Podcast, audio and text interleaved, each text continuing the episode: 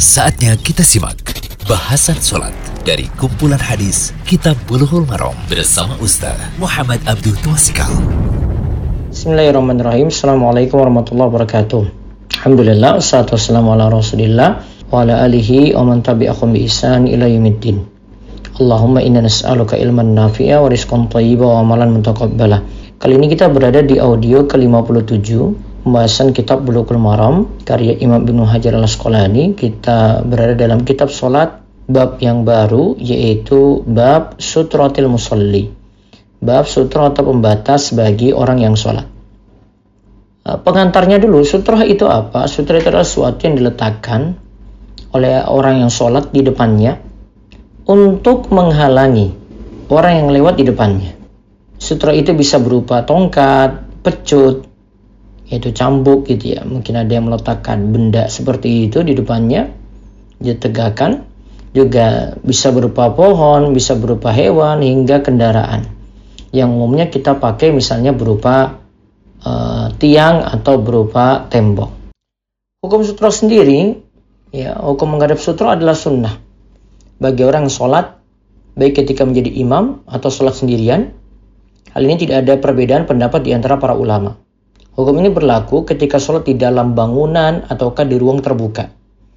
Dalil dari ajaran Nabi berupa ucapan dan praktek telah menjadi dalil akan hal ini.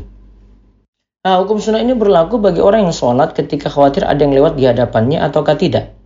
Jadi terserah ada yang mau lewat ataukah tidak, dia pokoknya disunahkan menggunakan sutra. Sebagian ulama dia menganggap masalah ini masuk dalam hukum wajib. Insya Allah akan ada penjelasannya. Adapun makmum, ia tidak disunahkan mengambil sutroh karena tidak ada anjuran mengenai hal ini. Sutroh imam itu sudah menjadi sutroh untuk makmum. Ingat ya, sutroh imam itu sudah menjadi sutroh untuk makmum. Ada klaim ijma dari Ibnu Battal, Ibnu Hazm Al-Qadiyat bahwa makmum tidak diperintahkan untuk mengambil sutroh. Jadi makmum itu yang di belakang tidak disuruh ambil pembatasnya masing-masing. Nabi SAW pernah sholat menghadap tombak kecil. Sahabat yang menjadi makmum ya, bersama beliau ketika itu tidak mengambil sutra sendiri-sendiri. Nah, manfaat sholat menghadap sutra itu apa? Pertama, menjalankan perintah Nabi Shallallahu Alaihi Wasallam. Yang kedua, mencegah lewatnya setan dan terputusnya sholat. Mencegah lewatnya setan dan terputusnya sholat. Yang ketiga, mencegah pandangan agar tidak terlalu jauh dari sutra atau pembatas. Jadi misalnya kita pakai tembok, ya sudah pandangan kita cuma sebatas itu saja. Kalau kita pakai tiang, ya cuma sebatas itu saja. Tidak lebih daripada itu. Yang keempat, membuat lebih khusyuk dan menundukkan pandangan. Yang kelima, memudahkan orang yang ingin lewat agar melewati area di luar tempat berdiri dan sutra. Jadi kalau mau lewat di luar area ini, gitu. Yang keenam, menjauhi dosa karena melewati area sholat. Karena sebagaimana uh, menurut para ulama nantinya akan kami sebutkan, kalau melewati orang yang sedang sholat, di situ dihukumi haram bahkan masuk dosa besar. Nanti ada penjelasannya. Yang ketujuh, menjauhi hal memberatkan. Karena dalam hadis disuruh menunggu daripada lewat orang yang sedang sholat. Jadi suruh tunggu sampai sholatnya selesai. Ya ini kadang kan memberatkan seperti itu. Sekarang kita masuk hadis ke 228 setelah pengantar tadi yaitu dari hadis Abu Juhaim bin Al Harith.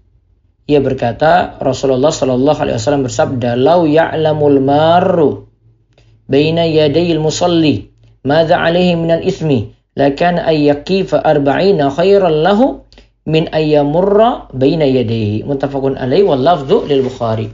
Wa fil bazzar min wajhin akhar arba'ina kharifa. Dari Abu Juhaim bin Al-Harith radhiyallahu anhu ia berkata bahwa Rasulullah Shallallahu alaihi wasallam bersabda, seandainya orang yang lewat di depan orang yang sholat itu mengetahui dosa yang akan dipikulnya, maka ia lebih baik berdiri selama 40. Jadi sini sebut 40 ya. Daripada harus lewat di depan orang yang sedang sholat. Nah, di sini mutafakun alai dalam lafaznya menurut Al-Bukhari, menurut riwayat Al-Bazzar dari jalan lain lebih baik berdiri selama 40 tahun daripada melewati orang yang sedang sholat. Nah, sekarang kita lihat faedah hadis. Diharamkan melewati orang yang sedang sholat. Bahkan ada ancaman keras. Imam Zahabi dalam Nailul Autar sampai menggolongkan hal ini dalam dosa besar. Perkara melewati orang yang sedang sholat ini termasuk dosa besar. Yang kedua, hikmah larangan ini karena orang yang sedang sholat sedang bermunajat kepada Allah. Orang yang melewati yang sedang sholat tadi berarti memutus munajat ini dan mengganggu fokus orang yang sedang sholat. Yang ketiga, diharamkan melewati orang yang sedang sholat pada area antara ia berdiri dan sutra. Jadi misalnya ini dia berdiri, terus sutranya berupa tembok, berarti area ini tidak boleh dilewati.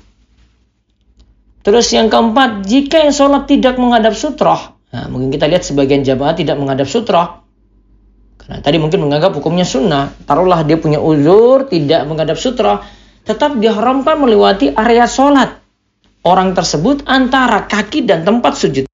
Jadi tetap diharamkan melewati area sholat orang tersebut antara kaki dan tempat sujudnya.